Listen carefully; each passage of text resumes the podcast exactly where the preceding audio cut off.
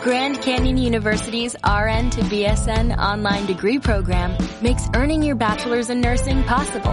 Balance online coursework with local in-person clinicals to position yourself for potential leadership opportunities in the time you have from wherever you are, leaving room for what matters. Achieve your goals with your personalized plan and team behind you. Find your purpose at Grand Canyon University.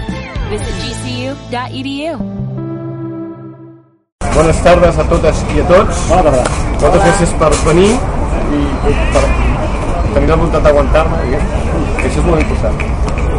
La conferència té un títol que ja dona una idea de per on van els trets, i és, quan parlem d'OVNIs, de què parlem? Perquè, humilment, penso que el gran problema que té l'ufologia és que no explica de què parla quan parla d'OVNIs perquè alguns dels que estan aquí ja ho saben que jo tinc una obsessió amb l'acrònim OVNI que jo entenc que és una gran bestiesa. Perquè OVNI objecte volador no identificat si anem a què signifiquen les paraules quan parlem d'OVNIs o quan parlem de que investiguem OVNIs estem dient que investiguem coses que volen que no sabem si són les coses que pensem que són o que pensem que busquem però com que prèviament no hem descrit la cosa que pensem que és o la cosa que pensem que busquem amb l'acrònim OVNI no estem dient absolutament res. De tal manera que eh, si algú aquí fora agafa un paper algú amb alcohol l'incendia i el llença a l'aire i nosaltres el veiem passar la ufologia tindria que investigar això. I no crec que sigui el tema diguem, no? Eh, la ufologia se suposa que investiga altres coses tots sabem, perquè si us ho pregunto a la majoria de vosaltres, eh, sigueu persones que penseu que els ovnis existeixen o no existeixen, si jo us pregunto a qualsevol de vosaltres què és un ovni, doncs alguns diran doncs, que són naus extraterrestres, altres eh, diran doncs, que són eh, naus que no se saben d'on venen, però que, que volen per aquí, altres ens dirien, em dirien que són eh, projectes militars de potències estrangeres que no som capaços d'identificar és dir, tots teníeu una idea que vindria a ser el mateix que són naus aèries o submarines perquè després està el problema dels OSNIs eh? Eh, tots hem sentit parlar dels OSNIs submarins que els n'hi ha clar, quan ja diem OSNI llavors la cosa es complica més perquè seria una cosa que està sota l'aigua i que no sabem si és el que busquem o el que creiem que és. Amb la qual qualsevol cosa que estigui a, a sota l'aigua i no la identifiquem és un OSNI no? Clar, encara és pitjor que l'OVNI. Quan parlem d'OVNIs o d'OSNIs en general estem parlant que pensem que són naus aèries o navals d'origen desconegut. Això englobaria l'explicació extraterrestre englobaria l'explicació terrestre eh, inclús la dimensional inclús la temporal si voleu. Però sabíem exactament quan ens considerem ufòlegs és a dir, investigadors OVNI diria exactament què volem investigar o què estem cercant. Estem cercant naus eh, que no són convencionals que no són avions, que no són satèl·lits que no són estrelles fugaces que no és un tio que ha incendiat un paper i l'ha llançat a l'aire. Naus que corren pels cels i que per alguna raó ningú ha estat capaç fins ara de donar-nos una explicació d'exactament què és això.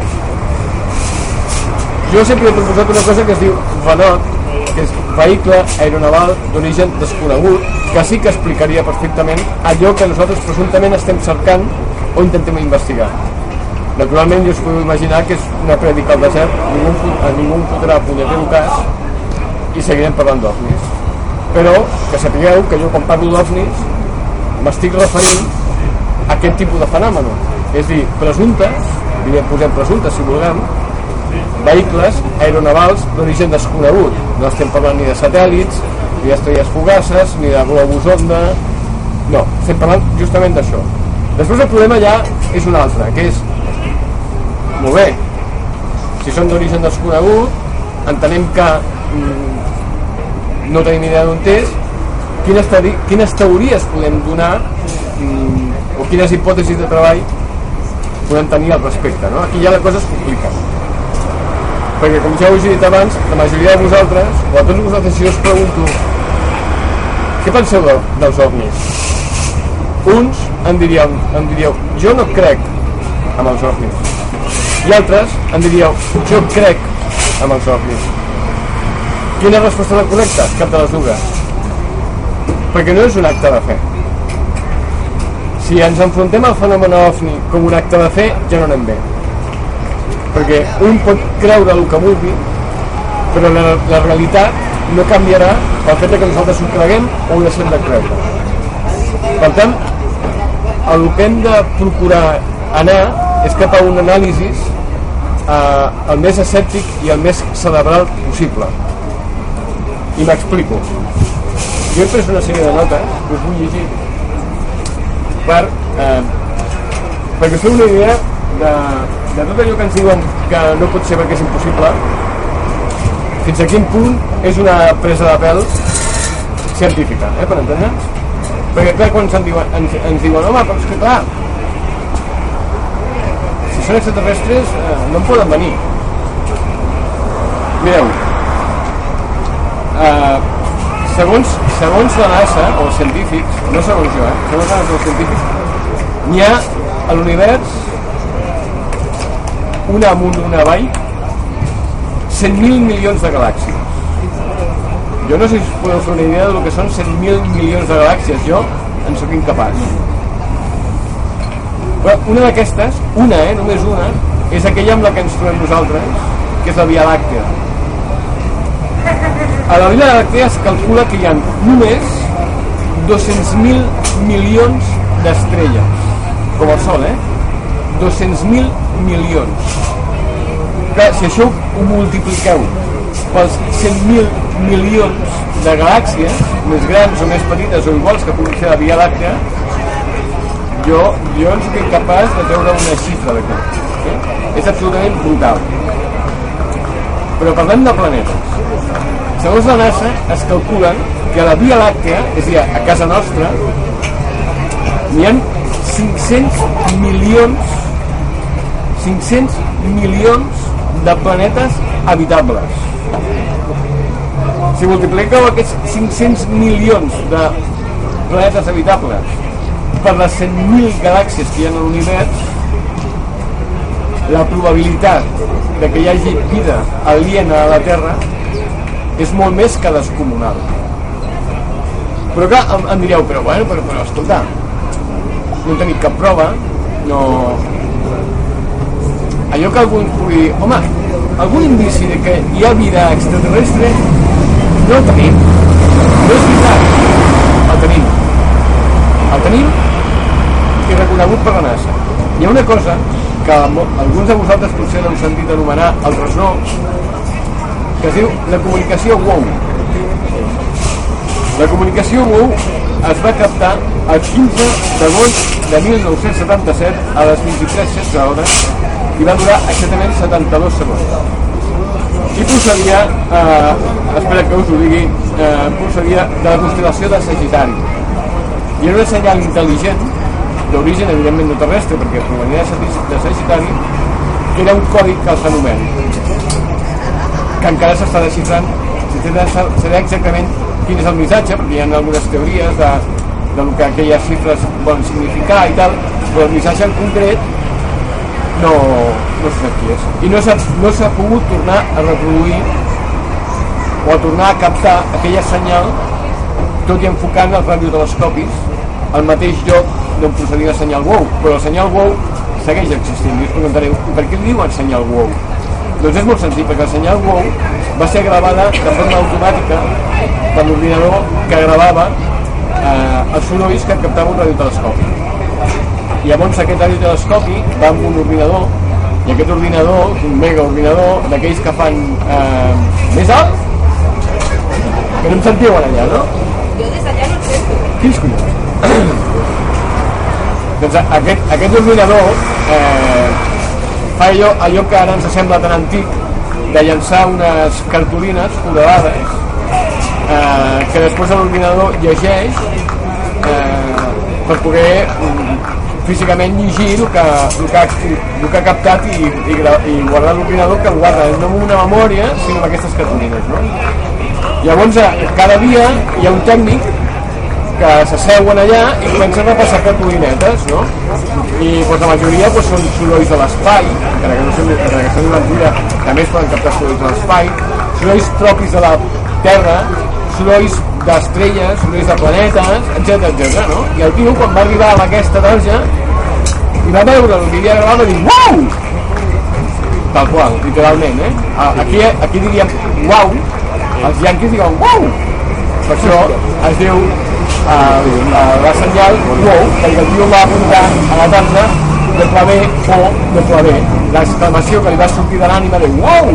Ell la va escriure a la tarja, no magnètica, sinó de foradets, va posar wow. I des de llavors aquest missatge, presumpte missatge, però en tot cas una senyal intel·ligent procedent de l'espai exterior, doncs eh, és el primer missatge que s'ha reconegut oficialment com un missatge no terrícola perquè dins d'aquest missatge hi havia senyals que evidentment eren de la Terra, que eren ecos, que eren no sé què, però eh, la senyal més forta que s'havia captat provenia evidentment eh, de fora del nostre sistema. No?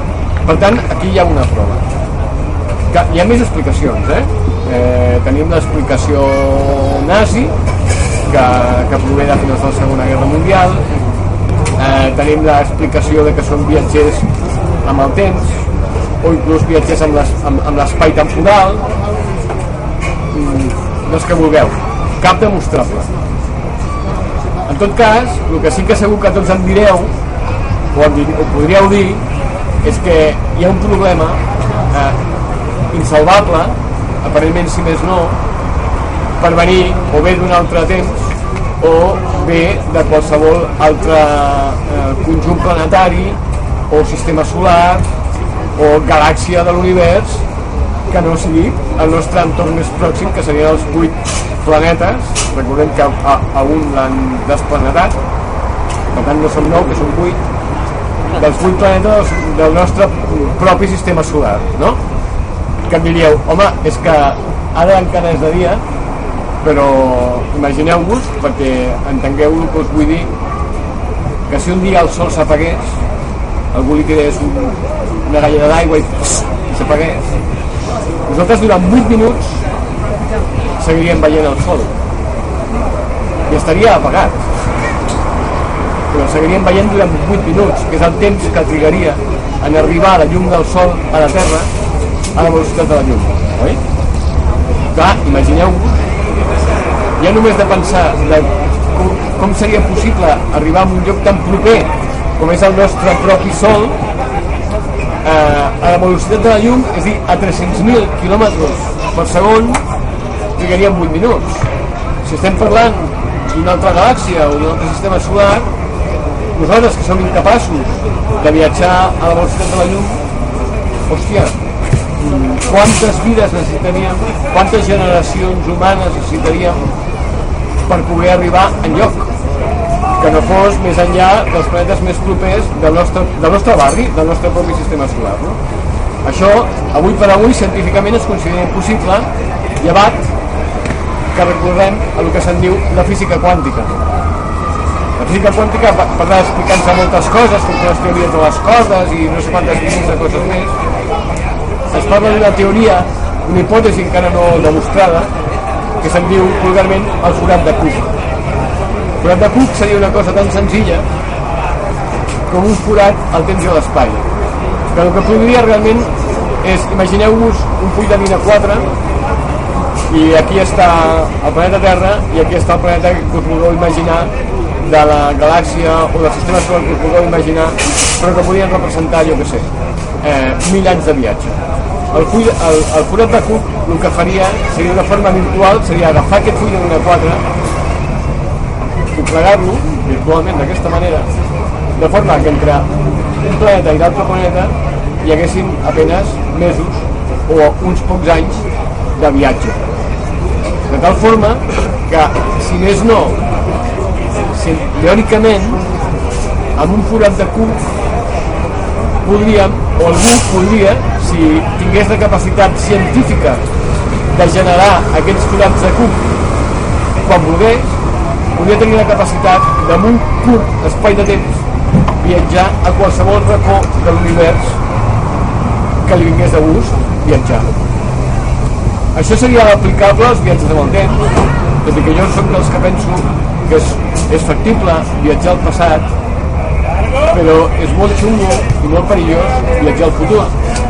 Perquè vosaltres ima imagineu-vos per un moment, i, i amb aquest tema no m'enrotllaré més, alguna civilització super mega recontra avançada de la Terra que, que hagués estat en aquest planeta fot, jo què sé, 50.000 milions d'anys per, per dir una animalada i després extingida, que hagués tingut la capacitat de viatjar amb el temps.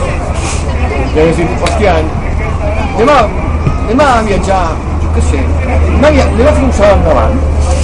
I els pobres desgraciats que viatgen, eh, com que no saben el que passarà el futur, perquè poden viatjar però no poden veure el que passarà 3 4 anys després, van i es traslladen a la Hiroshima de 3 segons abans de que caigués la bomba atòmica. O es traslladen a la boca d'un volcà que en la seva època no existeix, però en aquesta època sí que existeix. O, no sé, us podria posar 50.000 exemples estranys d'aquest tipus, no? Eh, o apareixes davant d'un tio o en aquell moment algú li està tirant un tret.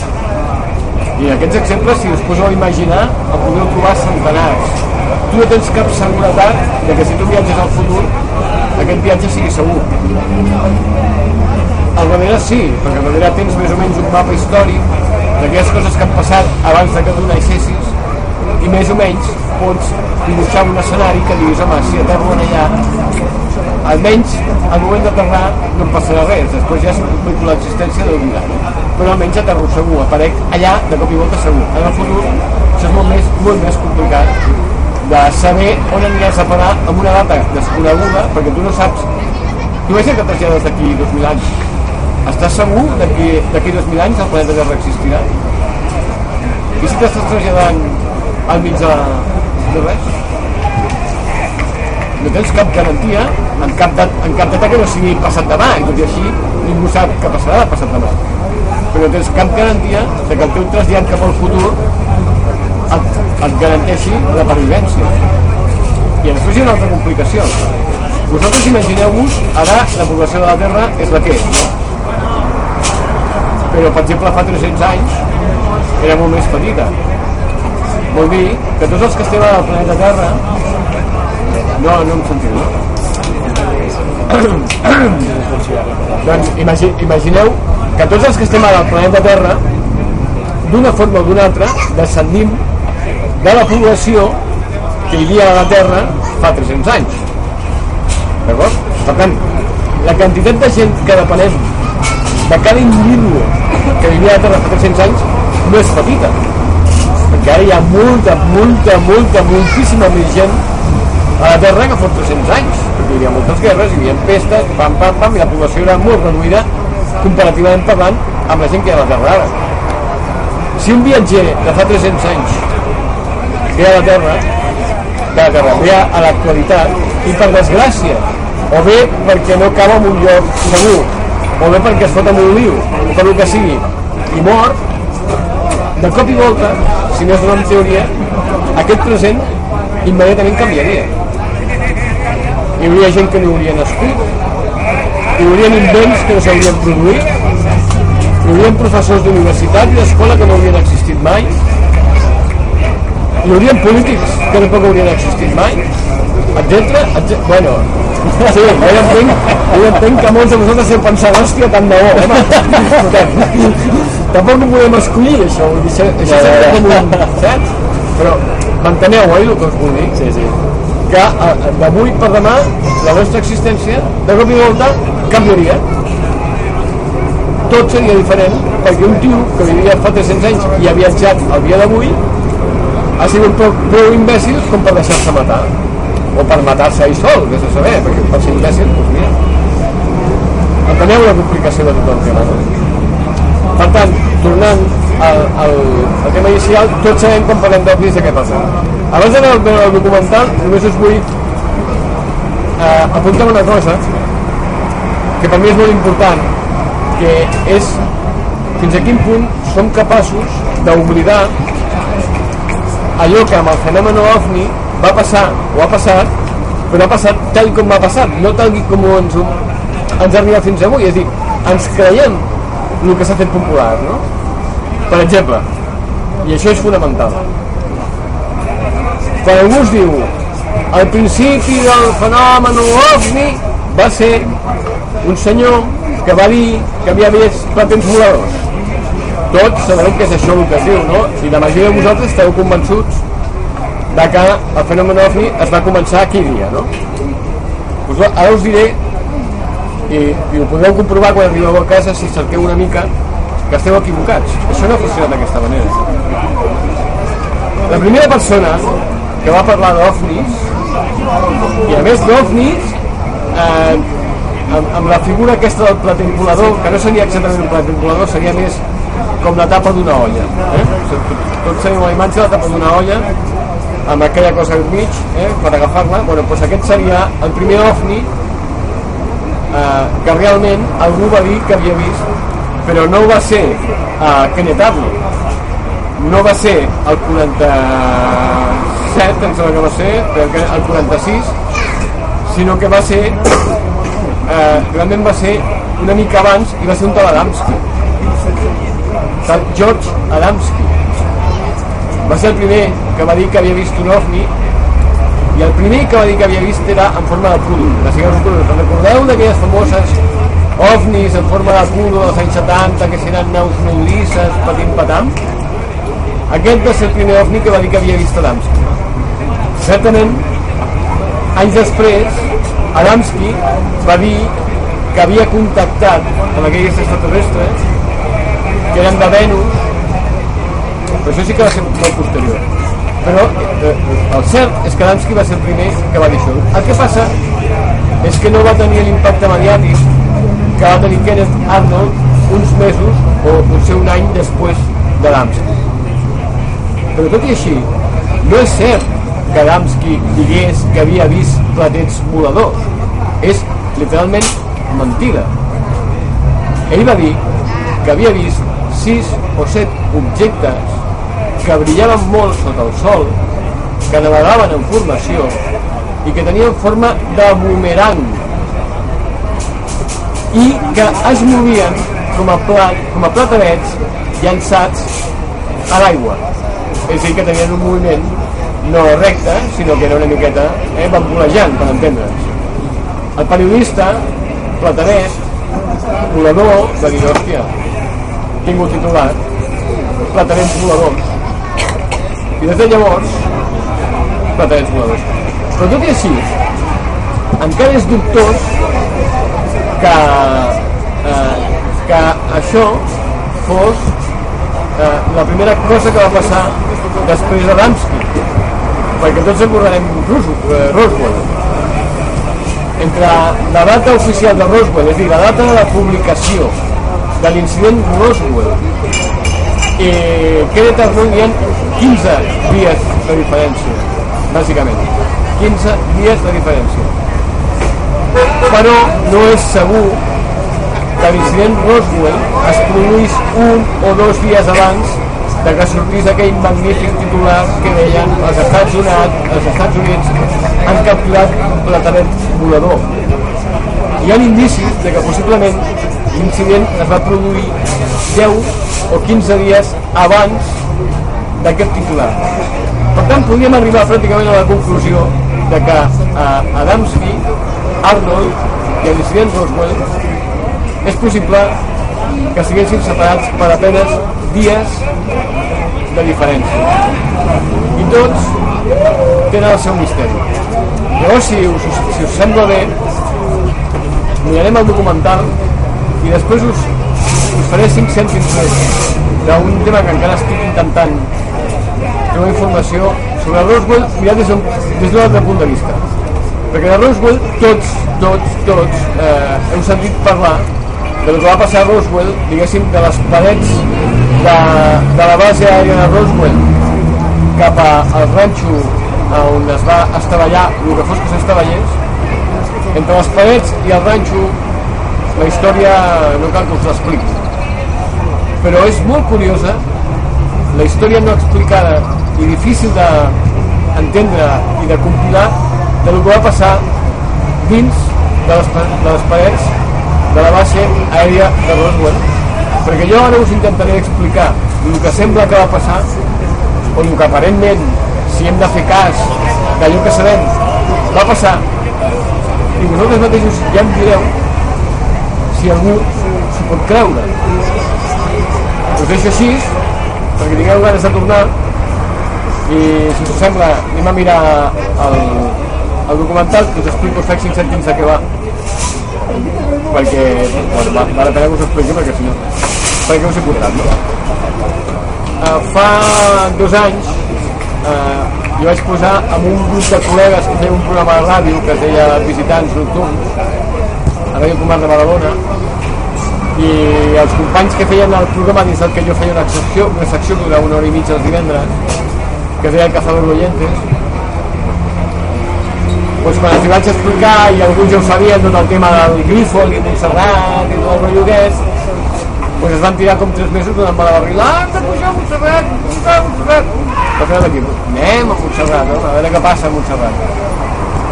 I o eh, algú vam veure a Montserrat algú vam veure el que jo no sé dir exactament què vam veure però el que sí és cert és que no era un avió eh, no, no era una cosa coneguda i les explicacions normals que es van donar posteriori ja m'ho veu quan veieu el documental que no acaben de quadrar per molt que es vulgui amb el que tots els que apareixem en el documental els set testimonis que jo, jo eh, he recollit amb aquest documental incluït jo mateix. Després us explicaré alguna anècdota del que explico aquí perquè veieu que la meva, la meva memòria de peix no és gaire fiable.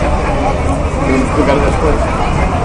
Pues, totes les explicacions que ens han donat no acaben de quadrar amb allò que els testimonis algun dels quals està aquí ja, ja el reconeixereu perquè el veureu al vídeo eh, doncs vam veure no quadra l'explicació. Si més no, no quadra l'explicació com a explicació global. Parcialment podria podria, podria acceptar-se.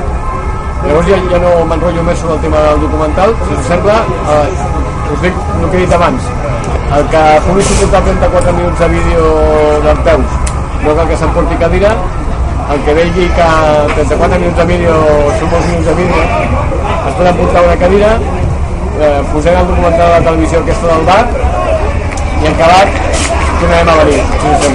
Jo, jo no, sé si, si se us ha fet molt passat o no, eh, però us he de dir, i, i aquí tenim un company que, un dels companys que va participar en la, en la gravació, jo em vaig comprometre a no editar les seves versions, de tal forma que ells expliquessin la qüestió sota el seu punt de vista i jo respectaria des del segon zero fins a l'últim segon la seva explicació sense editar-la de cap manera de forma que no pogués semblar o ningú pogués pensar que a través de l'edició del seu testimoni jo els hi havia fet dir alguna cosa que ells no volien dir.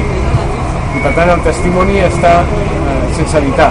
Per això potser en alguns casos pot ser una mica llarg que es podria haver escurçat però això significava escollir quina part de l'explicació s'havia d'eliminar i quina quedava i, i per tant, d'alguna forma, manipular el testimoni. No?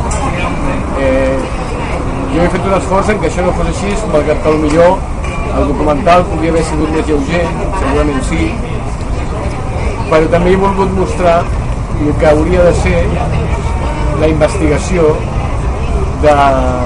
d'un avistament, d'un albirament. És dir, agafar els testimonis i no induir-los a explicar res fer una pregunta molt oberta, com les dues que jo els vaig fer, jo em vaig comprometre a que havien de contestar només dues preguntes, segons tu ho explica'ns amb les teves paraules què vas veure i segons tu, independentment del que hagis escoltat, del que t'hagin dit, del que hagis llegit, no importa. Tu, personalment, en la teva opinió, què és el que vas veure? Ningú, llevat de mi mateix, evidentment, perquè jo era el que gravava tot, però ningú d'ells ha vist eh, o, o, o ha escoltat l'explicació dels altres. Per tant, aquí veureu que, que les explicacions tenen matisos, però això sempre és així. No us cregueu mai quan algú us diu he parlat amb quatre testimonis els quatre m'han explicat exactament el mateix. Mentida. O els han manipulat o s'han posat d'acord. Perquè la nostra percepció de la realitat en cap de vosaltres és exactament la mateixa. Si a vosaltres us fan mirar qualsevol cosa, la que vulgueu, tots junts, ara mateix, i esteu veient aquí al fons, d'aquí 5 minuts us agafem un per un per separat i heu de descriure allò que esteu veient, cap descripció serà igual. I això és el que ha passat aquí. Us tinc que dir que el meu testimoni, com que jo tinc memòria de peix, però a més de peix petit, eh, jo, jo dic que veníem de l'Hotel Grup, és mentida, no veníem de l'Hotel Grup. A l'Hotel Grup vam anar al mes següent i a l'altre, i aquell dia vam pujar directament pel cantó contrari, és a dir, en comptes de pujar per, per la part de, dels grups, vam pujar per l'altre cantó, per això no trobàvem l'esplanada ni de cap manera. Però jo, no sé per què,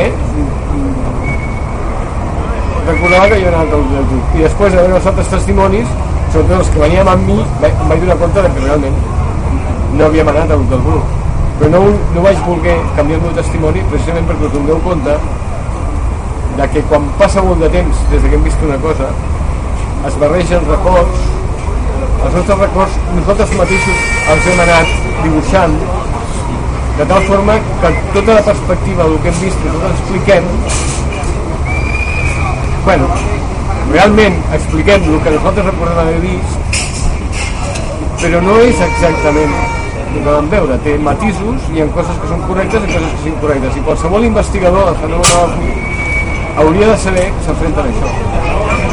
I quan es presenti una investigació molt neta i molt polida, en què tots els testimonis expliquen tot molt bé i tot molt perfecte i tot quadre i tot... Com diuen els castellans, mentira possible. No hi ha un testimoni net perquè qualsevol neuròleg us dirà neuròlegs la neurologia moderna dirà que nosaltres conformem la nostra realitat a mesura que l'anem veient. En funció, no només del que veiem sinó que els nostres sentits tenen la capacitat de percebre.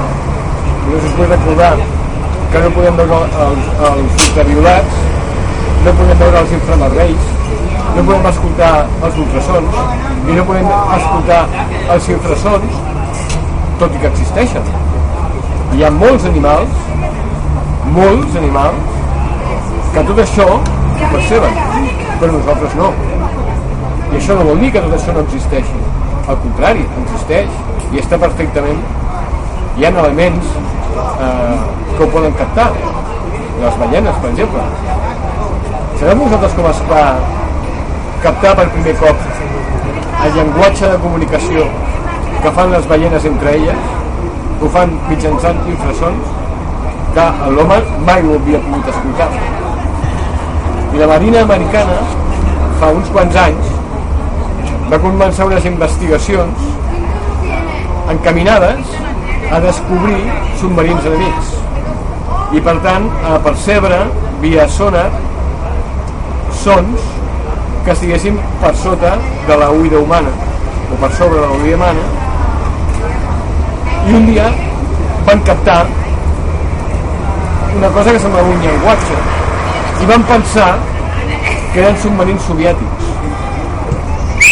Fins que després de fer un anàlisi més acurat es van donar compte que jo no, no era mecànic no era electrònic sinó que semblava animal.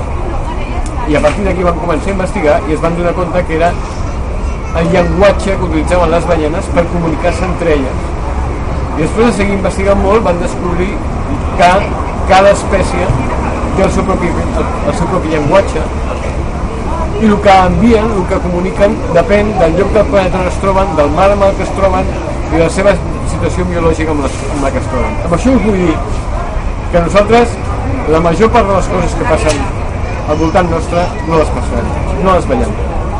I per tant, partir de la base de que allò que veiem no existeix és una gran estupidesa humana. Si partim d'aquesta base, doncs bé, doncs podem entendre que els testimonis doncs tenen una visió subjectiva i a més condicionada a les seves experiències, a les seves expectatives, a les seves creences, allò que creuen que és possible que passi i allò que creuen que és impossible que passi. Però això no treu que la cosa més valuosa, la que s'ha de respectar més i la que més atenció s'ha de prestar sempre són els testimonis.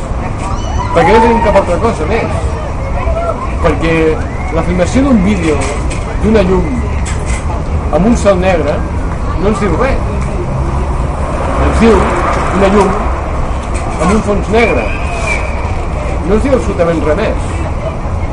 Això es pot falsificar de 80 bueno, no sé quantes formes possibles amb un, amb un editor de vídeo molt senzill i és impossible de descobrir que és una falsificació. Per tant, allò que realment ens ha de preocupar és l'explicació humana. I és allò que més atenció li hem de prestar i, més, i allò que més respecte hem de mostrar tot i acceptant la subjectivitat de l'explicació. I això malauradament avui per avui pràcticament ha desaparegut pràcticament no es fan investigacions. Pràcticament ningú entrevista els testimonis. Pràcticament ningú es preocupa d'anar al lloc i dir a un senyor, a veure, expliqui'm on estava. Anem a fer el recorregut que vostè va fer. Expliqui on ho va veure. Expliqui'm com ho va veure. I sense fer, i sense fer preguntes dirigides. Fent-li preguntes obertes de forma que el testimoni es pugui explicar amb les seves pròpies paraules. Això seria, tindria que ser eh, escrit en, en lletres d'or a qualsevol persona que es consideri un investigador del tema OVNI, perquè no ens enganyem, no existeixen els experts amb el tema OVNI. No hi ha ni un expert amb el tema OVNI. Perquè un expert és una persona que sobre un tema sap el per què, el com, el quan, etc etc etc. Ningú, ningú, ningú us pot dir què heu de fer per veure un ovni, a l'OVNI que veieu què és, a l'OVNI que veieu d'on ve, a l'OVNI que veieu per què ve, absolutament res. Només poden haver experts, per dir-ho d'aquesta manera, amb testimonis. Només poden existir persones experimentades en preguntar els testimonis aquells que realment han vist un objecte o un vehicle o un presumpte vehicle aeronaval d'origen desconegut què és allò que van veure i, i aquests tenien que ser els experts els que tothom tindria que escoltar. Malauradament des de que va desaparèixer Antoni Rivera o, o altres això pràcticament ha passat a la història. Ara tots els experts som gent que estem darrere d'un ordinador i ens dediquem a mirar vídeos i fotografies. Vídeos i fotografies que tot s'ha de dir ara que pugen a internet han perdut tot el seu valor tot absolutament el seu valor. L'altre dia, una coneguda meva, una coneguda meva via Facebook, ho he de reconèixer, que viu a Xile, és catalana però viu a Xile, em va enviar unes fotos molt interessants fetes des d'un avió. Ella va fer una foto des de la finestreta de l'avió perquè hi havia un paisatge de núvols espectacular per sota de l'avió i quan va mirar la foto es va trobar que es veien quatre llums eh, horitzontals eh, diguéssim que si la finestra de l'avió a la part superior dreta no? que ella no havia vist i que aparentment no eren un reflexe de l'interior de l'avió res quan va arribar, quan va aterrar a Xile eh, va trucar un amic seu que és un oficial de la Força Aèria Xilena i va ensenyar amb l'oficial en qüestió i va dir, mira, això per mi no és jo diria que no és cap reflexe de l'interior de l'avió i no és, res, no és res que jo pugui identificar com a conegut i per tant per mi això és un ovni clarament bé, ella primer em va enviar la foto a través de Facebook Jo me la vaig baixar, la vaig analitzar i, hòstia, feia tota la pinta per pixelat, feia tota la pinta de ser un trucatge, no? perquè el pixelat dels objectes eh, era raret. Quan em va enviar els originals, i quan dic els originals, vull dir els originals tal com surten de la màquina de fotografiar, amb tota la informació interna, etc etc etc, i ho vaig posar en un editor d'imatges, la perspectiva canviava radicalment. Aquelles quatre llums estaven perfectament integrades al paisatge i no, feia, no feien sospitar, ni fan sospitar en absolut el seu muntatge. L'única cosa que poden ser, estranyament, perquè no ho sembla tampoc, seria un reflex a la finestreta de les llums interiors de l'avió. Però en cap cas un trucatge. Us dic això perquè el pujar una imatge a internet la devalua absolutament. Igual com devalua un vídeo. Un vídeo pujat a internet és inanalitzable. Us el podeu mirar pel dret i pel revés, és inanalitzable.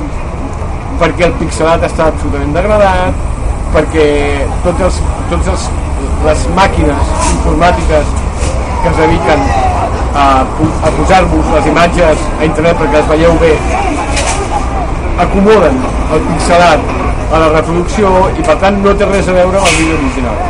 Us ho dic perquè a l'hora d'analitzar mitjanament d'una forma seriosa quan veieu un vídeo a YouTube o a qualsevol lloc i diu, hòstia, això té pinta de, de ser bo o té pinta de ser dolent penseu que l'apariència que esteu veient vosaltres a la imatge és absolutament enganyosa i l'única, l'única, l'única forma d'interpretar o de poder intentar interpretar un vídeo o una fotografia només, només, només es pot fer amb arxiu original.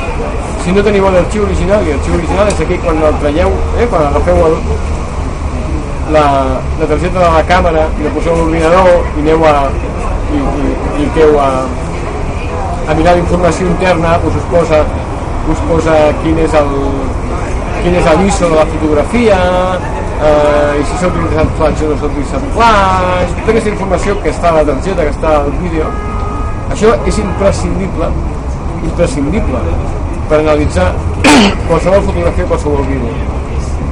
Si aquesta informació no hi és vol dir que allò ha estat ha passat per un editor de vídeo o ha passat per un editor de fotografia no serveix absolutament per a res per tant qualsevol expert que veieu per televisió que està analitzant un vídeo o una fotografia perquè l'ha vist a YouTube no cal ni que l'escolteu us està prenent el pèl directament perquè la, el que està analitzant és inanalitzable. Us he promès abans tot i que tinc memòria de peix me'n recordo que parlaria de Roswell parets endins de, de la base aèria de Roswell s'ha d'explicar que la base de Roswell diguéssim que era no sé si encara ho és intueixo que sí una subbase depenent d'una caserna general de la, nord-americana especialment en aquella època molt especialment en aquella època, el 1947 que recordeu que venim d'una guerra calenta la segona guerra mundial i hem entrat en una guerra freda la que tots coneixeu no cal que us explico que era la guerra freda per tant eh, especialment l'exèrcit americà eh, s'ha de pressuposar que era un exèrcit disciplinat i que no feia les coses perquè sí, i molt menys els seus oficials.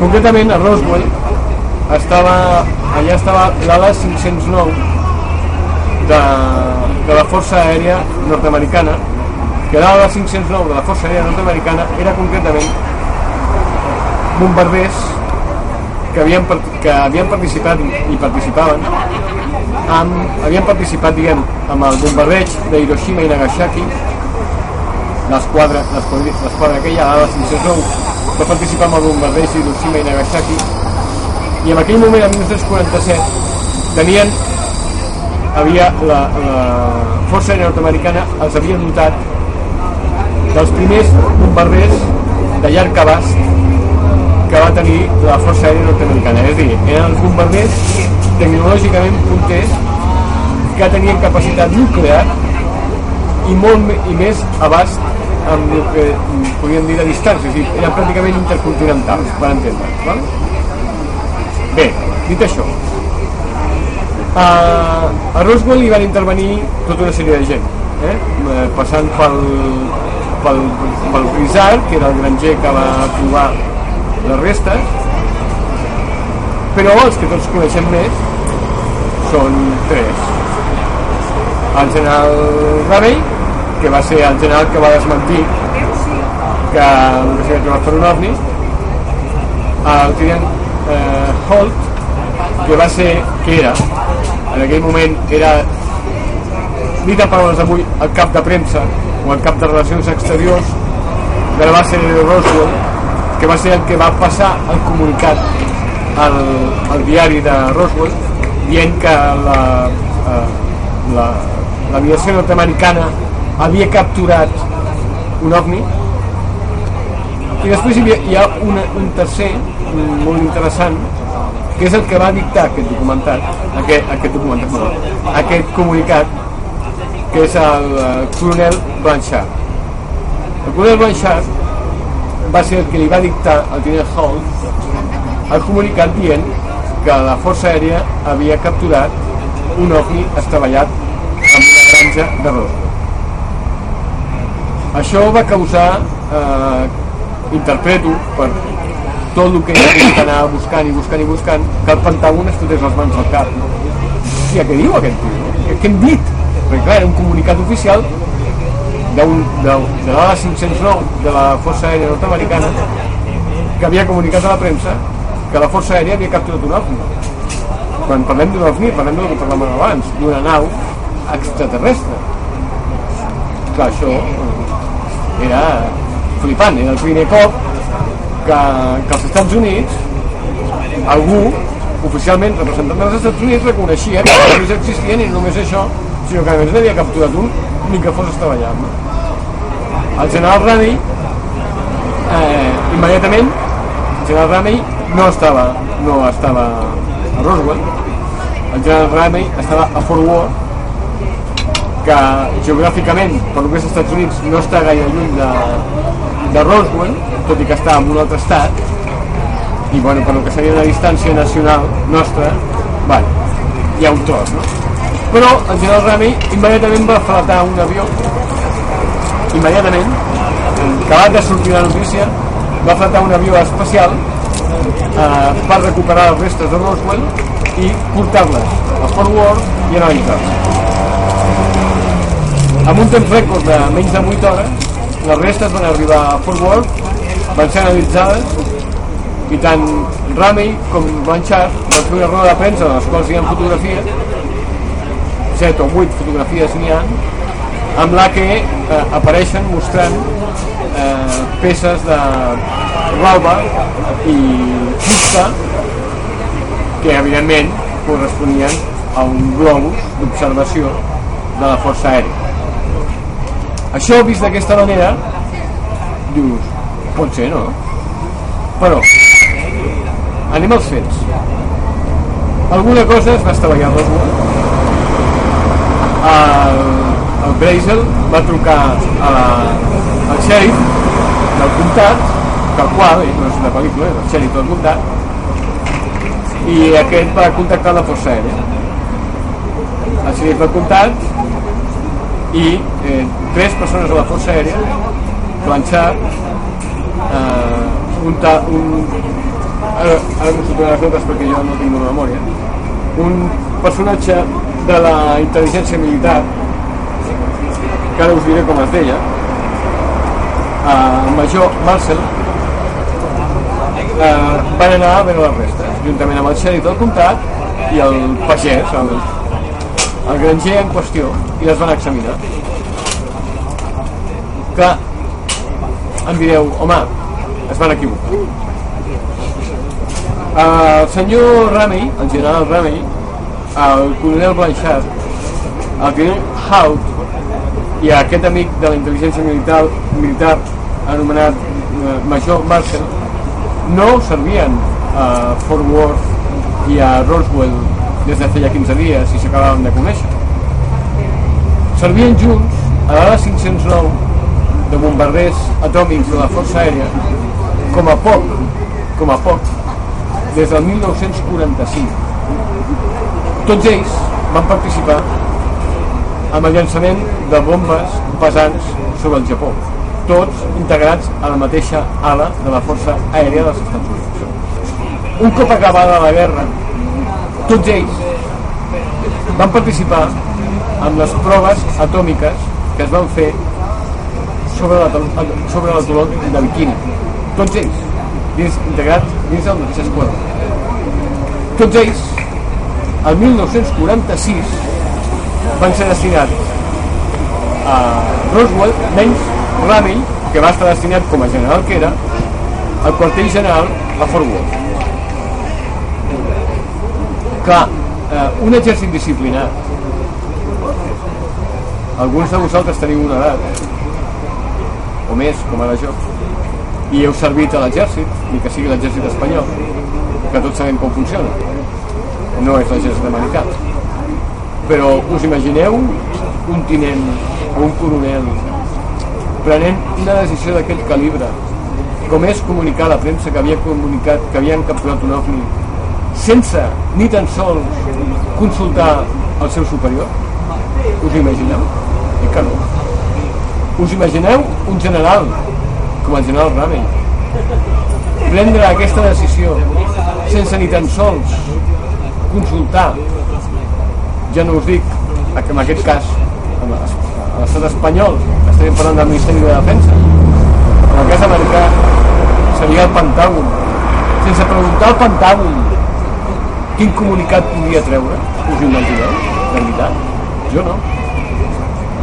Bé, podem pensar, home, és que el Blanchard aquest, el coronel que va dictar el comunicat, anava per lliure. Era, era un cowboy, no? Podria ser. Acceptem-ho com a bo, era un cowboy. Bé, ara us faré una pregunta que ja us la contestaré jo. El general Rani, en aquella època, ja era general. El Blanchard era un coronel. Dels dos, el Blanchard, el, que, el cowboy, o el Raney, el general obedient, que quan el Pentàgon li va dir això s'ha de desmentir, ho va desmentir ràpidament. Dels dos, qui va, qui va tenir una, llarga, una més llarga vida militar i una més alta graduació militar al final de la seva carrera? Qui diríeu? El Blanchard. General de quatre estrelles. Últim de, una última destinació, el Pentàgon. Nivell de poder, el tercer, el tercer en l'escalafó militar després del president dels Estats Units. Ho, considereu normal? Un tio que fot la gamba fins aquí dient que ha capturat un ovni arriba general de quatre estrelles amb el tercer grau d'escalafó després del president dels Estats Units però no només això la Força Aèria dels Estats Units qualsevol de vosaltres quan arribi a casa pot entrar a la web de la Força dels Estats Units i consultar la biografia dels seus més il·lustres oficials. Hi ha una cosa que si, si poseu a qualsevol buscador uh, US Air Force Biographies ja us sortirà una web amb la que només heu de posar el nom del militar en qüestió a clicar en cercar i us apareixerà una biografia resumida. Si poseu Ramey el salvador del Pentàgon no apareix. Si poseu Blanchard apareix. El general Blanchard però curiosament segons la biografia oficial el general Blanchard mai va estar destinat ni a Fort Worth ni a Roswell fins al 1948 la destinació que figura és certa perquè Blanchard després de l'incident Roswell mesos després va tenir una altra destinació i al cap d'un any, és a dir, el 1948 va retornar no a Roswell sinó a Fort Worth amb una responsabilitat superior però va retornar a Fort Worth pues aquest retorn a Fort Worth és el que figura a la, a la biografia oficial com la primera destinació de l'ALA 509 després de les proves atòmiques que es van fer el, el, la Tolon que ja us he comentat. És a dir, dit curt, ras i curt. La biografia està falsificada. Per què? Dels altres militars, el, el tinent Hout, el tinent Hout bueno, va fer una carrera va plegar, es va jubilar, no trobareu massa informació, la força aèria del tinent Hout com que no, sembla que no vol saber gaire res. El, el general Ramey, recordo, el salvador del Pentàgon en desmentir la captura del, de l'OVNI després de, de la seva destinació a Fort Worth va tenir diverses destinacions més o menys normaletes fins que finalment es va jubilar de la Força Aèria, va passar a la indústria privada i a partir sense com. I el Blanchard tenia que mirar el llistat de condecoracions que té totes el fulls de roure. Poca broma. I aquest és el que, teòricament, aparentment, ens volen fer creure que va fotre la gamba fins aquí, saltant-se tot el conducte reglamentari, sense demanar explicacions ni permís a ningú, i li va dictar al tinent Hout un comunicat dient que, dient que, havia, que havien capturat un ovni. Jo no sé si trobeu normal, però a mi em sembla bastant rocambolesc. És evident que amaguen alguna cosa. Jo crec, i potser m'equivoco, que si la versió oficial és la bona, és a dir, el que s'estava fent, el que es va estar veient allà era un globus espia per espiar amb un globus, eh, típic globus meteorològic però espia, eh, per entendre? per espiar eh, les instal·lacions atòmiques russes que estava fent una prova, una prova a l'àrea de, de Roswell i per la raó que sigui estava allà i per ocultar que s'havia estavellat aquest globus que pertanyia a un programa secret d'espionatge, etc etc. No se'ls va ocórrer res més que dir que havien capturat un ovni. No creieu que és pitjor la cura que la malaltia? Doncs ho han fet. Clar, si mirem la fulla d'un general de 4 estrelles, la fulla de servei, i, i veiem que està alterada, això fa sospitar. Si mirem que el general que va salvar la situació pràcticament va acabar amb no res i en canvi el que va fotre la gamba va ser el, meu, el més condecorat i laurejat aquí alguna cosa que no funciona, que no quadra no. a més heu de saber una cosa no hi ha cap prova cap, cap prova que ens faci pensar que les restes de Roswell sortissin mai de Fort Worth. L'àrea 51 està molt bé, és molt bonic, és molt divertit. És una història de conspiració que, hòstia, a qui no li agradaria que fos veritat? Però no hi ha cap prova, cap prova, cap prova de que les restes de Roswell sortissin mai de Fort Worth. De fet, Fort Worth, en aquella època, era una base molt important de la Força Aèria. Però, curiosament, pocs anys després va deixar de ser important per la Força Aèria i va passar de ser una base de la Força Aèria per ser una base aeronaval conjunta amb la Navy de la reserva naval dels Estats Units. És dir, explicat, la van treure del radar. Des de llavors ningú es fixa en Worth. Ningú. Tothom es fixa en què? amb l'àrea 51.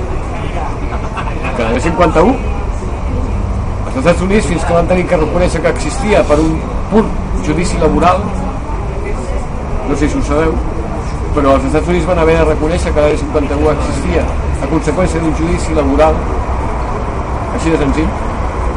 Un ex-treballador de l'àrea 51 que estava malalt va denunciar al govern dels Estats Units alegant que ell estava malalt a conseqüència de que havia servit amb una base dels Estats Units que a, conseqüència de les coses que allà ell havia emmalaltit i que aquesta base eh, era l'àrea 51 una àrea, una base que no, mai no ha tingut nom i mai no havia estat reconeguda oficialment com que existia pels Estats Units. Després de molt litigar, molt litigar, molt litigar aquell bon home va trobar una nòmina de les que guardava en els que per error, o vés a saber per què, figurava com que el pagador de la nòmina era una empresa que treballava per eh, la Força Aèria Nord-Americana i figurava d'alguna forma el lloc on es trobava la, la destinació. I a partir d'aquí va guanyar el judici laboral, el van, el van haver d'indemnitzar i els Estats Units va haver de reconèixer que en aquella zona de Nevada tenien una instal·lació militar secreta, però no la tenien. I a partir d'aquí, el que sí que sabem és que ja s'han realitzat innombrables proves de prototips d'avions. També sabem, perquè és bastant evident, que la Força Aèria la, li interessa bastant de que tota la gent que, es, que, es, que, se, que reuneix al voltant de l'àrea 51 eh, identifiquin totes aquestes llums que es veuen per, per la nit, sempre de nit, mai de dia, eh, són ovnis i no avions. Perquè si no són avions ningú pregunta per als avions. Només dedica a buscar extraterrestres i ningú busca avions que és el que realment li preocupa als Estats Units que es busqui l'àrea 51 avions prototips que no volen que ningú conegui perquè evidentment són secrets. Tant, tant és així que els Estats Units va acabar comprant tots els ranxos i propietats que hi ha a prop de, de l'àrea 51 i només des d'un turó molt llunyà fora de l'àrea d'influència de la 51 es pot captar una mica el que passa al cel per sobre de l'era 51 de nit i evidentment el que veuen són llums que és el que podem veure si prestem molta atenció quan passa qualsevol avió aquí que va aterrar al Prat el que veiem són llums i si els veiem de front veurem un far molt potent circular i probablement veurem unes intermitències perquè estem massa lluny.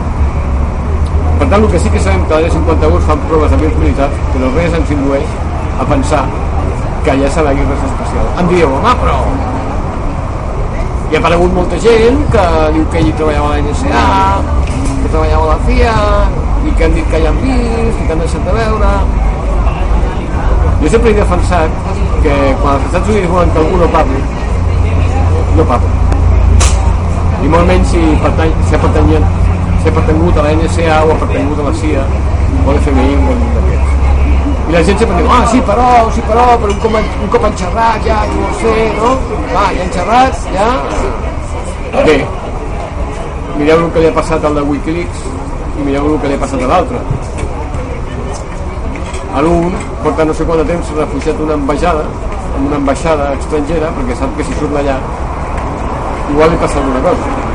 I l'altre està en la zona de trànsit de l'aeroport de Moscou que no sap com sortir d'allà. Perquè com l'enganxin als Estats Units i els doni per jutjar-lo per alta traïció això està condemnat amb la pena de mort. I la revelació de secrets militars és considerat alta traïció per tant tots aquests que diuen que són exagents de la NSA que són exagents de la CIA i que són exagents de la FBI i que guanyen una quantitat immensa de calés explicant conspiracions i que als, als Estats Units curiosament els importa un pebrot, per dir-ho així alguna cosa aquí no quadra.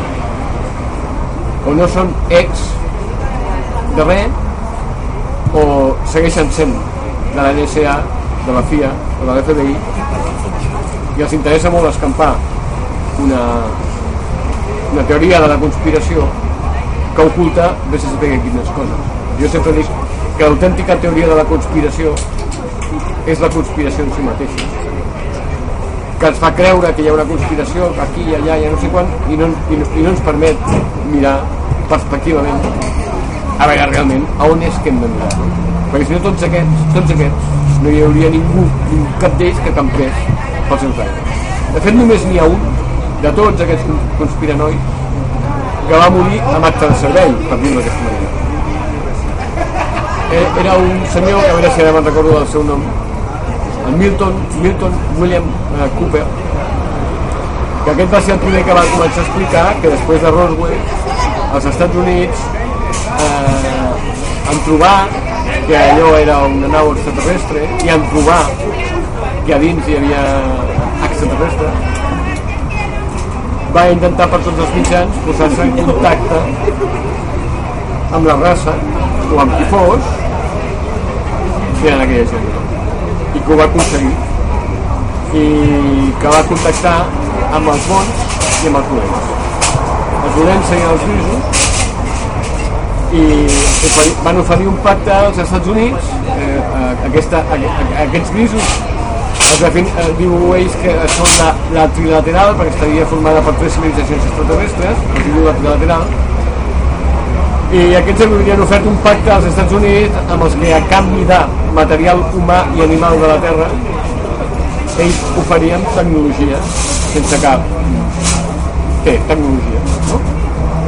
I, i això explicaria l'evolució tecnològica del planeta Terra des del 1947 fins ara després estaven els bons que els bons deien que tecnologia nastri i plàstic menys gratis i de moro però eh, potser un intercanvi moral social, etc perquè bueno, per, per intentar millorar el nostre nivell com a raça no? Als Estats Units evidentment el que els interessava era la tecnologia i van pactar amb els dolents van, van pactar segons, això, segons el Milton William Cooper eh? jo no dic que ni sigui, ni que sigui veritat ni que sigui mentida van captar una certa quantitat d'humans que podien ser segrestats per, per experimentar biològicament i una quantitat incerta d'animals de tot el planeta que també podien capturar. Els, eh, els homes eren americans, eh? podien capturar eren americans. Al cap de temps, els americans es van donar compte que, que els humans que eren capturats no, no quadraven amb el... Hòstia, llampecs, tu, què has mirat? Eh, no quadraven amb, amb, amb les quantitats pactades amb aquests certs d'altres planetes. I els hi van dir que, que no podia ser, que s'havien d'ajustar el pacte, no? i els van dir que sí, que, que l'estiu que veia s'ho pensaria. I, I llavors els americans van dir, ara els fotem canya, no? I van intentar d'arribar a algun ovni d'aquests i no. Els que arribaven eren els ovnis, els avions americans, perquè no, les armes no els hi feien res, no els podien atrapar, no podien fer absolutament res, o sigui que estaven indefensos davant de la tecnologia real, no la que els havien donat, sinó la real d'aquests extraterrestres. I per tant, a partir de llavors, el, els Estats Units es trobava amb, entre l'espai i la paret, eh, que ja havien involucrat els russos i xinesos perquè estiguessin al cas del que, del que estava passant i que clar, només tenien dues alternatives o seguíem el pacte i que deuen ser ser confessats o explicar a la població que estan en aquella situació amenaçats per una raça extraterrestre i que, òbviament, van optar per aguantar perquè com ho havien d'explicar no? que no podien defensar els seus ciutadans Milton William Cooper va estar explicant això i vinga, i vinga, i vinga, i vinga, i vinga, i vinga. I ell tenia una, una ràdio, una emissora de ràdio, en la que diàriament, per lo que jo puc recordar, posem que fora setmanalment, està explicant això constantment, pam, i pam, i pam, i pam. Fins al punt que, que Clinton, Bill Clinton, va dir de Milton William Cooper que era el radiofonista més perillós de la història dels Estats Units. Però clar, es veu que no sabien com fotre-li no? Després de tants anys, clar, no, què havien de fer? No, no el podien jutjar per traïció, per una tonteria d'aquestes, perquè de fet ells no explicaven història, no? Com el, com el van pillar, entre cometes? Pues com el Capone, per frau fiscal. I es veu que el Milton William Cooper pues, home, no li desagradava l'alcohol, per exemple. I era un home donat a, a satisfer el seu, la seva afició a l'alcohol. Total, que quan van demanar, van emetre ordre de recerca i captura del Milton William Cooper, ell veia el que se li venia al damunt, va guiar. Es va esfumar i el van buscar. I el van trobar en un motel, el típic motel americà, de Cabanera, que tots coneixeu de les pel·lícules. Total, la policia i l'FBI va rodejar el motel i van dir el típic, eh? Surtin les mans al l'aire i sense armes, el típic. I a mi que el William Cooper era tan burro, tan burro pobret, que va obrir la porta amb una pistola a la mà. I els altres, pobrets, indefensos ells, davant d'un tio mig borratxo i armat, i van fotre tots els forats que van voler. I el van... el van foradar bé. Fes per tot arreu, i allà va, es va acabar Milton William Cooper el 2008. Ser l'únic de tots els conspiranoics que es pot dir d'ell que, va morir, que va morir en acte de fe. Els altres, tots estan guanyant una pasta gansa de país en país explicant conspiracions que evidentment no poden demostrar. Bueno, ahora, ahora la gente. No, de estos ninguno. Faber Kaiser. No, Faber Kaiser, no, no, no, esto es una historia. No, no, espera, espera, espera. vale. Espera, Yo, yo soy un poco más mayor que tú y los huevos no. Bueno, no te creas, ¿eh? Sí, sí, yo tengo 52. Tú de mucho. O sea que el doble como mínimo. no. No. Bueno, total, que l'Andreas Faber-Kaiser, l'Andreas Faber-Kaiser, eh, que era un... Suposo que els que teniu més edat el vareu escoltar i el vaig escoltar durant molts anys.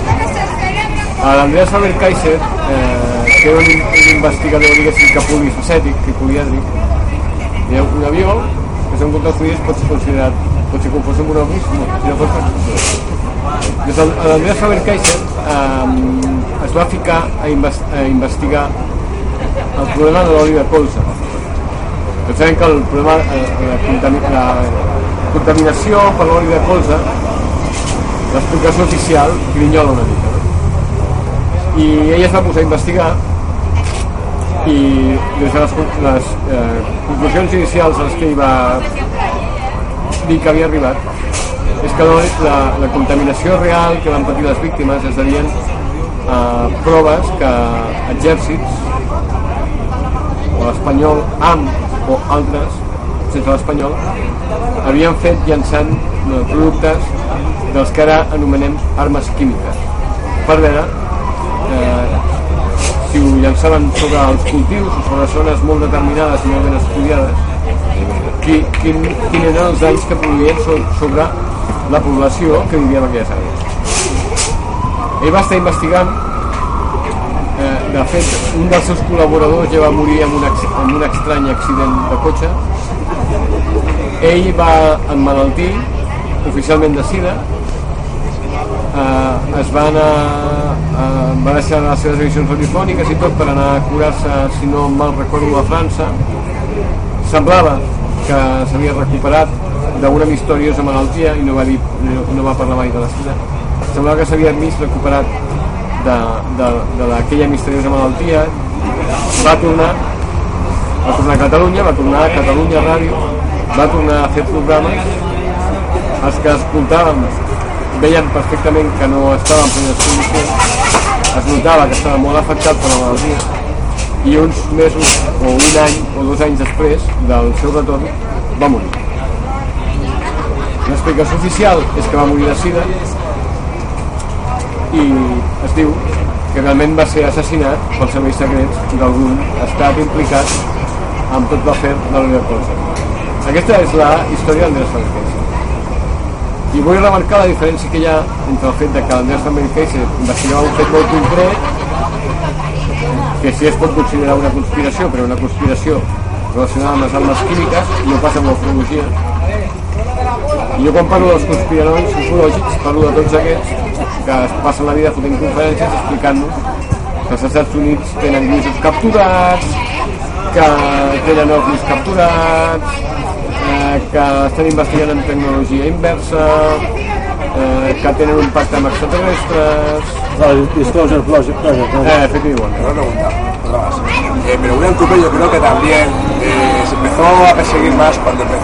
Cuando sacó lo, lo de, lo de los él es ese tipo en que iba a haber un todo bastante importante en, en sobre las fechas. Que a partir de ahí es cuando vas, o sea, vas a perseguir de ese sentido. Cooper murió en el 2001. Murió en noviembre, creo. Sí, noviembre. No, no fue en septiembre. Ese tío lo dijo por junio así ya, ya el equipo quiere haber un dado. No. En, qualse- en qualsevol cas. Te digo, por- lo digo porque Sí, sí, sí, sí, però en qualsevol cas podem arribar a les conclusions que vulguem. Però en qualsevol cas, l'únic de tots aquests dels Estats Units que denuncien conspiracions, a l'únic que ha mort és. Bill Cooper. Ja està. Partint d'aquí, el per què, a conseqüència de què, quin va ser el detonant, Sí, bueno, ya después. això cadascú pot arribar a les seves conclusions i compartir-les amb altres o no. Però, però, però la veritat no, no en som posseïdors. En podem treure hipòtesis de treball, hipòtesis que mai no podem demostrar. I amb això retorno al principi. Dir, està molt bé fer hipòtesis. Està molt bé tenir teories.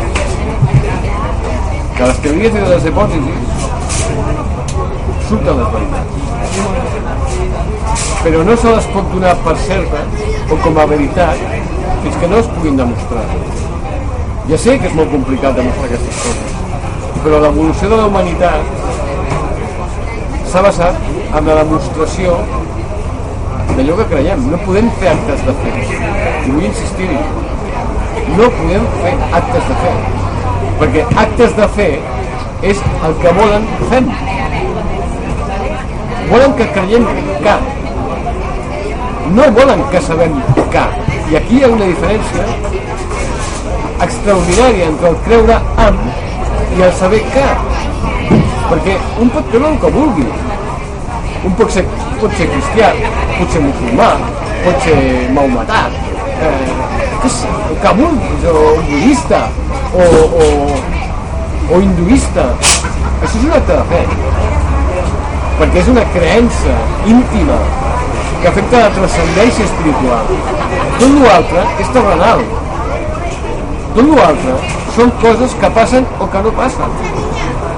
I fer actes de fe sobre el que passa o el que no passa és absurd. És a dir, jo no veig l'oxigen, però el respiro, oi? Quin sentit té que jo ara digui no crec que existeixi l'oxigen? Oi que seria absurd? perquè està més que demostrat que l'oxigen existeix. Per molt que jo faci un acte de fe i us vulgui convèncer de que no existeix l'oxigen. És absurd, no té sentit. Doncs és, és tan absurd i tan poc sentit creure en algú que té dues o tres explicacions. El fenomen ovni té moltes possibles explicacions, però no són excloents entre elles. És molt possible que molta casuística ovni corresponguin a experiments de eh, països potents que estan experimentant armes secretes. Pot molt ben ser, i segurament ho és. El fenomen ovni poden ser naus d'origen no terrestre. Pot molt ben ser, i possiblement ho és. Inclús pot molt ben ser, si atenem a la teoria de les cordes, que puguin ser viatjant, eh, viatgers d'altres dimensions. Pot molt ben ser, però una cosa no exclou l'altra. Dit d'una altra manera. Un gos és un gos, oi que sí? Però n'hi ha moltes races de gossos. No tots els gossos tenen per què ser de la mateixa raça. I no per ser de races diferents deixen de ser gossos. Doncs l'explicació de, les explicacions d'un fenomen, no per diverses, espatllen el fenomen i no una sola explicació té per què abarcar tot el fenomen. No ens podem tancar a sí o sí l'explicació del fenomen és aquesta perquè a mi m'agrada que sigui aquesta. No. No estem fent, no, no, no estem fent cap favor allò que defensem o volem defensar que existeix. Estem fent tot el contrari. No podem ser uns talibans de l'ecologia. Hem d'utilitzar el cervell, el coneixement, i l'obertura mental per ser capaços d'acceptar que el fenomen ovni pot ser una cosa o moltes. I fins que no trobem proves, fins que no tinguem la capacitat de trobar proves, no podem donar per bona cap resposta. Ara, això sí, hem d'acceptar com a possible qualsevol resposta, que és una cosa molt diferent. No és el mateix acceptar com a possible que donar per bona és un pas entre el qual pot haver un abisme o no depèn de la circumstància. En aquest cas, actualment hi ha un abisme, perquè no tenim cap prova, no tenim cap possibilitat de dir això és així i mira. No hi ha ningú, però no hi ha ningú que pugui dir això no és així i mira. Per tant, no és raonable fer un acte de fe amb aquest tema. Cap altre, però amb aquest tema especialment perquè no tenim elements de judici. I si el fet de que no tinguem element de judici ens ha de, ens ha de portar a fer un acte de fe, doncs estem cometent un error. Perquè no avançarem.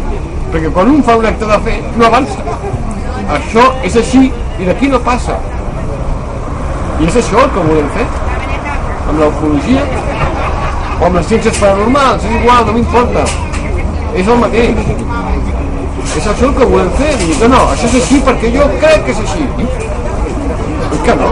Volem saber la veritat. Pues la veritat, a la veritat només s'arriba a través de descartar, de classificar, d'analitzar i d'esperar. Esperar tant com calgui. No podem esperar que surti el ministre de Defensa de qualsevol país, ni tan sols d'un país amb una democràcia seriosa com l'espanyola. Que surti i digui, senyors, el nostre espai aeri constantment hi entren aeronaus que no sabem d'on venen, no sabem per què venen, no sabem on van, no sabem què fan, però no els podem perseguir. Realment els podem detectar i evidentment no els podem derribar. Això no ho farà mai un, un govern, perquè el primer que dirà la gent dirà ostres, però si jo et pago, entre d'altres coses, perquè em defensis d'amenaces exteriors vinguin d'on vinguin, i tu m'estàs dient que no pots, doncs que et paguin de dia. No?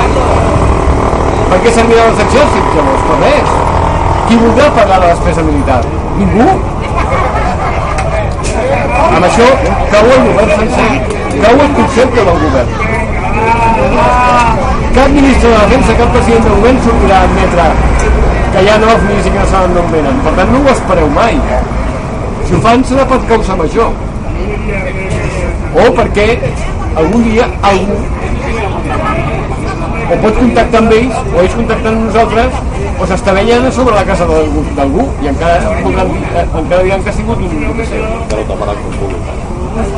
la pilota de béisbol que s'ha escapat d'un estadi, no sé. En fi, jo crec que us he pagat prou la pallissa. Crec que el que us volia més o menys explicar us ho he explicat, tot i que podria estar moltes més hores, però tampoc cal que sigui cruel. Eh, llavors ara la crueltat ha de venir de part vostra i per tant pregunteu, critiqueu i... però podeu preguntar-me coses del documental que a mi se m'escapa perquè jo estic cansat de veure i vist 80 o 90 vegades no sé quant i estic als nassos per tant qualsevol cosa que vulgueu criticar dir o explicar estic a la vostra disposició